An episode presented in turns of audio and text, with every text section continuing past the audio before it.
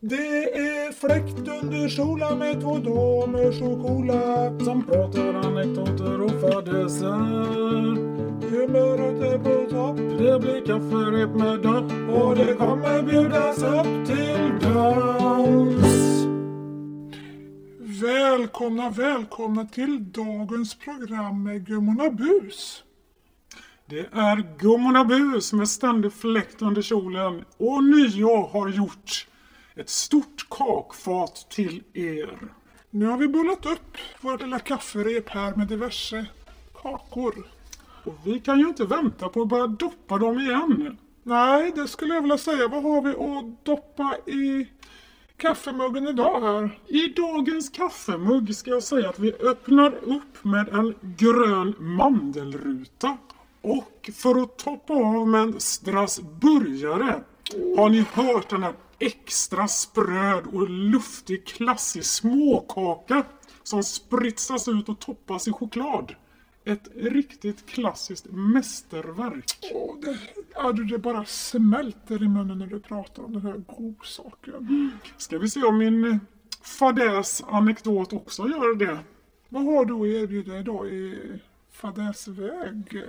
Jo, jag skulle vilja fokusera lite på när man var i sin ungdoms gladaste vår, som studenterna sjunger. Lite lantlig uppväxt har jag, inte varit så mycket i storstaden, men jag och två väninnor skulle in till den stora staden Göteborg vid ett tillfälle. För vi skulle nämligen ta lite sådana här passkort eller kort som man har. På skoj har vi ju sett att lite yngre personer har. Så vi åker in till centralstationen där vi hade sett att där ska finnas en sån här fotoautomat. Så jag och mina väninnor ställer oss utanför det här fotoståndet. Men det är som ett litet bås, är det inte det? Mm. Ja. Det är som ett bås med en gardin och en stol. Och så kommer en kamerablixt och så får man ett kort. Det här skulle vi prova. Och du får tänka dig, det var på den här tiden det bekom sig att man åker bussen in till storstaden. Aldrig varit på den här centralen innan. Kommer dit, ser den här fotoautomaten, ställer oss utanför, för det var nämligen upptaget när vi kom. Kan tänkas lite, jaha, och den här människan höll på så länge där inne. Så vi förstod inte, vad händer i den här automaten? Om jag hade förstått instruktionen rätt, när jag hade fått det här förtällt i förhand från goda vänner, så skulle man sitta på den här så kallade stolpallen. Men då ser jag att den som är inne, han står upp på pallen och håller på. Och den vrider och vänder på sig så att jag tänkte jag kanske behöver hjälpa den här stackars herren. Och vad kan inte bli bättre av en lantlig, naiv människa som mig själv, Gullbritt. I mitt blommiga klänning klämkäck står där som en naiv bondflicka, sliter upp det här draperiet och håller på att studsa baklänges. Vad händer? Flyg och far gott folk, tänkte jag. Där står en kar på snurrstolen med naket underliv. Var det hela strasburgaren framme? Hela strasburgaren och handet utgjorde ett bröd. Kan du förstå? Mannen tog kort på sin strasburgare. Det låter väldigt skevt i min värld. Det var inte en vacker syn kan jag lova. Jag tänker på förra programmet när du och dina vänner kom in till finska pinnen. Det var en lika stor chock för mig detta. Jag tänker att en spröd och luftig klassiker som en strasburgare, hur kunde den bli så vulgär och oanständig på denna stol på centralen i handen? Nej, det blev inget kaffedrickande för oss den dagen. det satte sina spår så att säga. Oj, oj, oj! Det var inte bara lite strö av mandelspån. Den var mycket kraftigare än så ska jag tala om för dig Daggan. Den här har levt med länge, etsade sig fast. Jag visste inte vad jag skulle säga till mor och far när jag kom hem den kvällen och skulle berätta och visa mina nya kort som jag skulle ta på centralstationen i Göteborg. Jag tänker, kan vi inte gå över till några mer miljövänligare kakor? Du tänker på den jag hade på dagens fat? Den, Den gröna, gröna ja, mandelrutan? exakt. Den är så att säga inte under bältet. Den här fadäsen jag ska förtälla. Den här var för, ja nu får jag ju gnugga mina minnesknölar.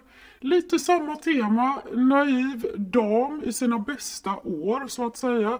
Ska följa med dottern och svärson till en fin krog och äta en buffé. Eh, så att jag går in där och tänker att nu ska man ju vara lite sofistikerad. Väldigt fin skaldjursbuffé. Och eh, botanisera där bland läckerheterna. var väldigt fint skaldjursbord där och platåerna stod. Men i, mitt i detta så hittade jag en av mina favoriträtter. Som jag brukar äta till mina tacos. Guacamole. Det blir ju faktiskt väldigt gott till de här skaldjuren. Så jag tog en stor klick guacamole. Heter det guacamole? Ja, döttrar min säger att det heter guacamole. Förstår du? Det säger vi när vi äter tacos och nacos. Så jag tar en rejäl klick av denna läckerhet på min tallrik till mina skaldjur. Kommer till bordet där vi ska dinera och eh, säger till min dotter att åh, vad glad jag är att de hade guacamole på det här buffébordet. Min dotter hon säger bara ah, vad bra att du hittade det. Och jag tänkte ju inte mer på detta, att jag var utsatt för någon form av, äh, jag vet inte vad ungdomarna säger, prank. Man kan ju förvarna en mamma för vissa starka saker med klös i, om man säger så.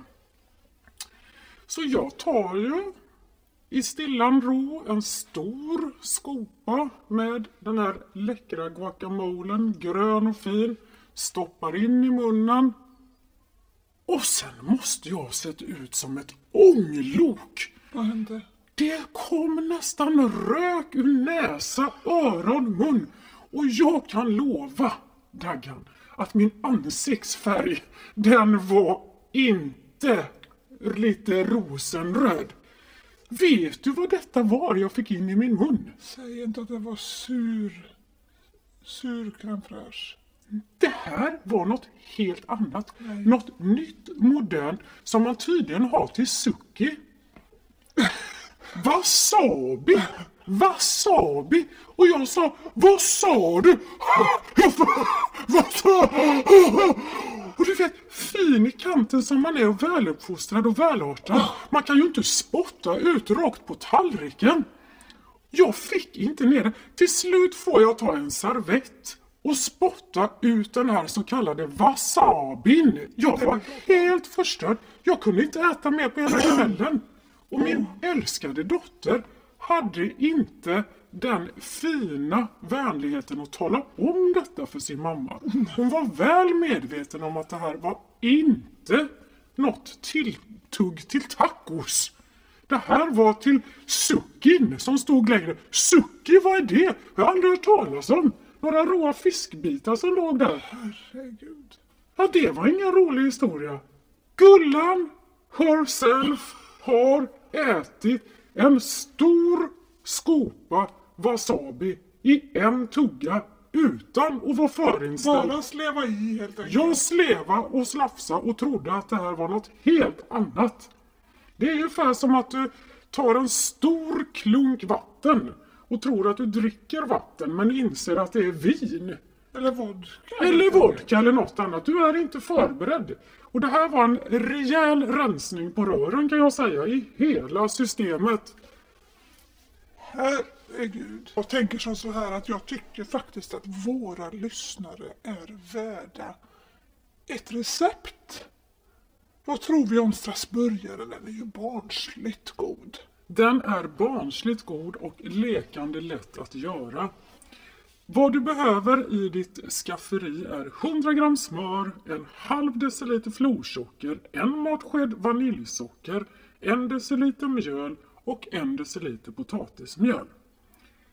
Själva tekniken sitter i degen ska läggas i en spritspåse av krusigt tyll. Oh. Spritsa sedan degen i längder. Receptet jag fick av min mor säger 5 centimeter.